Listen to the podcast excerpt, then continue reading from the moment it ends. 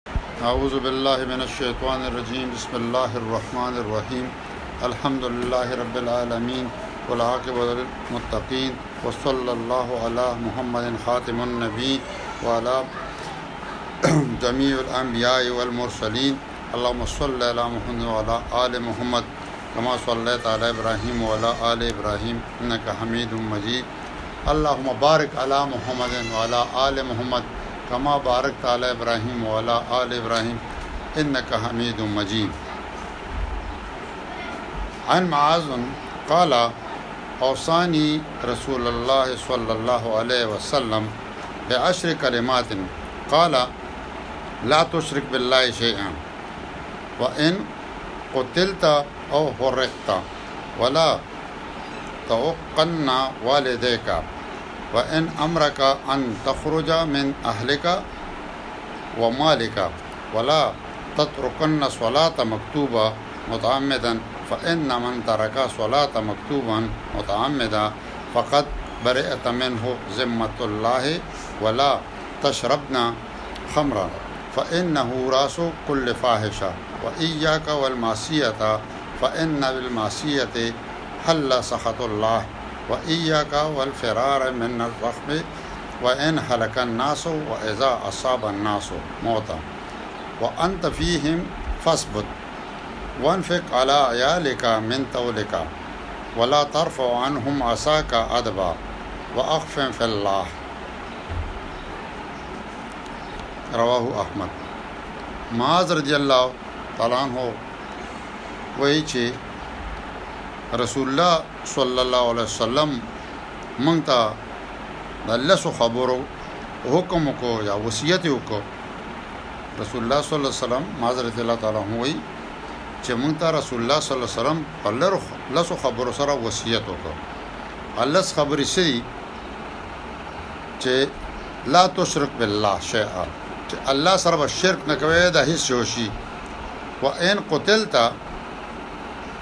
وان قتلت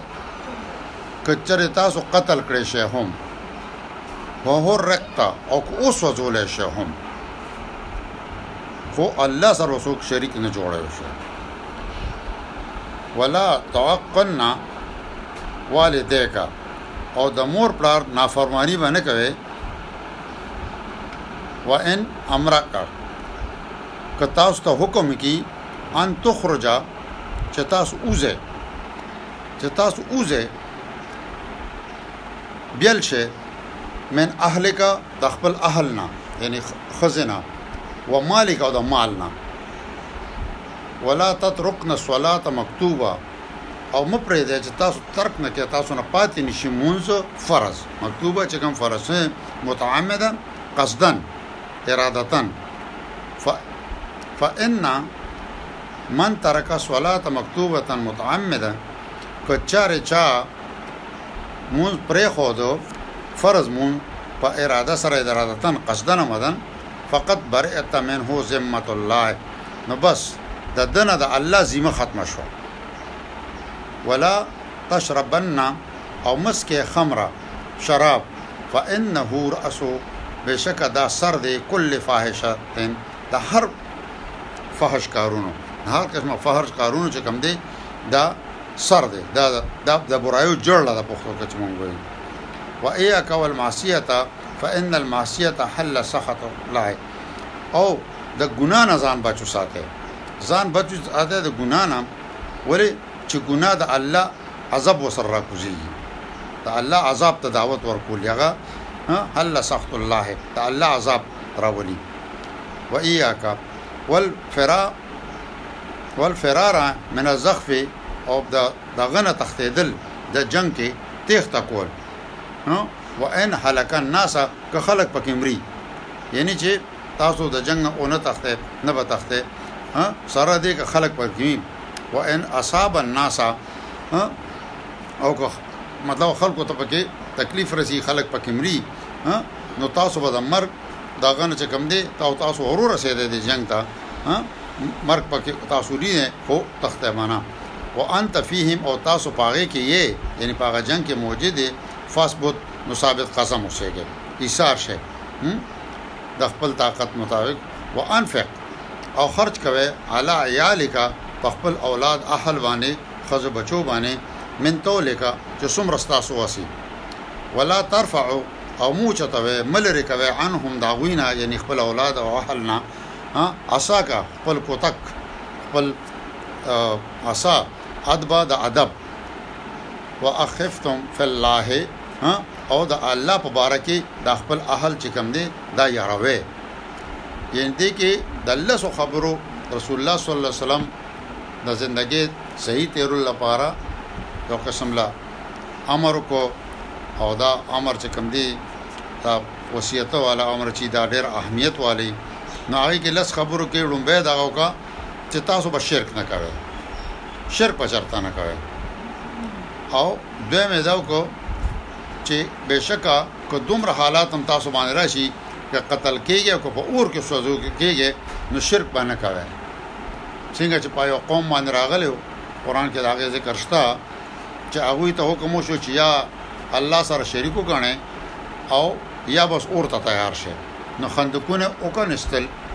او هغه خندقونو کې اور واچو او دا خلک مسلمان راوستل او خندقونو ته ورغورځول او خواوی کلمه پرې نه خوده بیا ورته چې والدین دا والدین نافرمانی کوي تر دې حد پوري که مطلب تاسو مال پرې خودل راشي او تاسو اهل عیال هم پرې خودل راشي کارته چې د مال پرې دا اوم پرې دا کارته د اهل پرې دا اوم پرې دا ابراهيم عليه السلام څنګه خپل بچی ته حکم وکړ چې ته دا درشل له بدل کا نه اشاره و چې دا خزه له بدل کا هغه پرې خو دا حضرت عمر رضی الله تعالی دا شان دغه کو ني تر دې هدا پور به مالې او مال چې کم دې کمالم د توي ترک کا په یو حدیث مبارکه کې راځي چې هغه یو سړی راغی او رسول الله صلی الله علیه وسلم ته شکایت وکړو د خپل پلار باره کې چې یاره دې دغه شان ته زموږ مال بې ځایه خرج کړي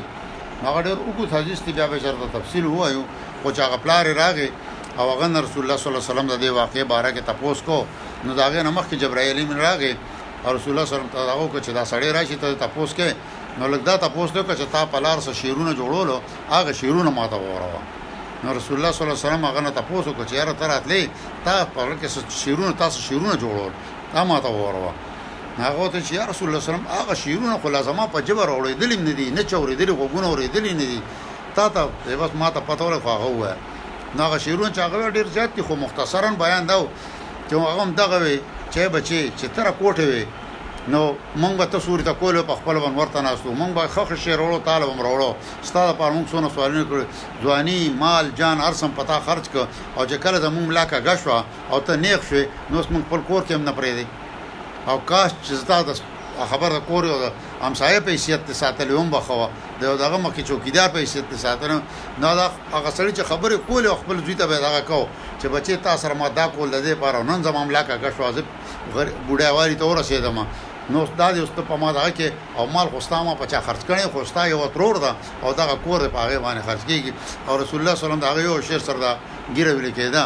او چې هغه ته بس چپ هغه ته ته او ستا مال ټول ده ده خپل ارته یو اشاره وکړه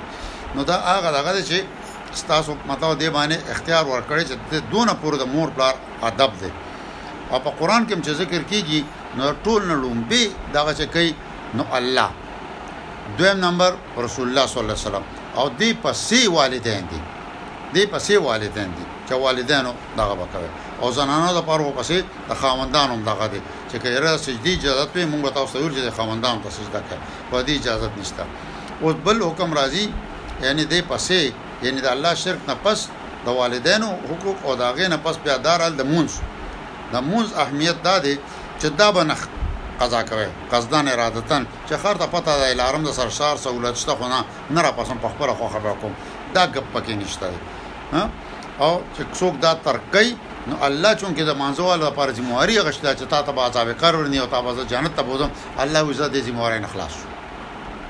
او بیا د الله خو خل چې سره کوي معاف کوي دی او دا کوي خو هغه چې کومه ذمہواری غشته و الله تعالی چې زبتا خامخا متو عذاب قبر او جنت نه ته بوزم او دا به کوم دا ورکوم هغه ذموارۍ نه د الله تعالی بریت وشو او بیا د شرابو باره کې سلو موږ ورته وایو چې شراب مه څکئ، ولې چې نشه چې ده هر قسمه نشه چې ده او شراب خاص کر هغه وخت کې ډېر مشهور و او اوس خو ډېر نشې راغلې نو ټولې نشې ولې چې دا خمر دغه دی او دا د ګناهونو د فحوشیت د هر برایې جړله ده دې سره ټولې برایانې پیدا کېږي نو او وایي ته ځان د ګناه نه بچ کوه ولې چې هر قسمه ګناه چې ده هغه د الله عذاب هغې سره راکوزېږي د الله دا عذاب چې راکوزیږي دا چې ګناهونه د یو حد نه زیات شي نو هر ګناه چې دا هغه د الله عذاب له دعوت پر کولی دا غینه او بل ورته چې لړۍ کې به تخت نه اگر چې خلک پکې مري نه او تا غزه ته ورسېږي دې یو خبره بلم راځي هغه خبره هم راځي پکې چې کيره ته یو ځای ته ورسېد لړۍ نه علاوه اول ته د مرګ دغه شورو لکه تعاون یو وبا راغلی و نو بس الته یو سیګ الته پاتې کېږه هغه ځای نه به تېښته نه کې نه دا دې کې مراد شته او د خپل طاقت مطابق په خپل اولاد باندې خرج کوه یعنی هر خرج چې په خپل اولاد کې په خزه کې دا صدقه ده د الله په نس دا د اسه خرج نه دی خو هغه کې دغه کړی د خپل وسه پوره هغه کې دغه دغه وته کې توله کا د خپل وسه پوره چې تاسو څومره وس کیږي د وس نه زیات نه چې ته قرضونه خپل ځان ډوب کو غر کا نه چې څومره د وس کیږي نو په خزه او په بچو باندې خرج کول دا دا لازم شوی دی او اخیری خبره ادا کړی دا د بچو ادب د بچو ادب د پاره چې دوی نه وي د ادب د اټی چې کوم د اوچت نه کې ادب کوتک ته اوچت نه کې ادب وو د په هر لحاظ قاعده ذمہواری ده من غوډل ته خلک خلې کې وو او خپل خپل منګم دا کېږي چې دا ولې کې دا ولې کې خود دې دا الله تعالی رسول الله صلی الله علیه وسلم وصیت ته چې د ادب چوکوت نه اوچته او بیا به خپل کشرانو ته د الله یره خایه چې د الله نه ویریږي او د الله یره نه سم مراد دی چې دا غوی احکامونه منلي کنه منې نو الله به ناراض شي او دا کارونه نه کولی کدی اوکل الله به ناراض شي او دا الله د ناراضګي انجام څه دی جنت نه محروم کېدل دوزخ ته تلل د دې دنیا رسوایی او آخرت کې ذلیل کېدل ها الله تعالی دې په دې احادیث باندې موږ له پوهې او د عمل کولو توفیق راکړي صدق الله العظیم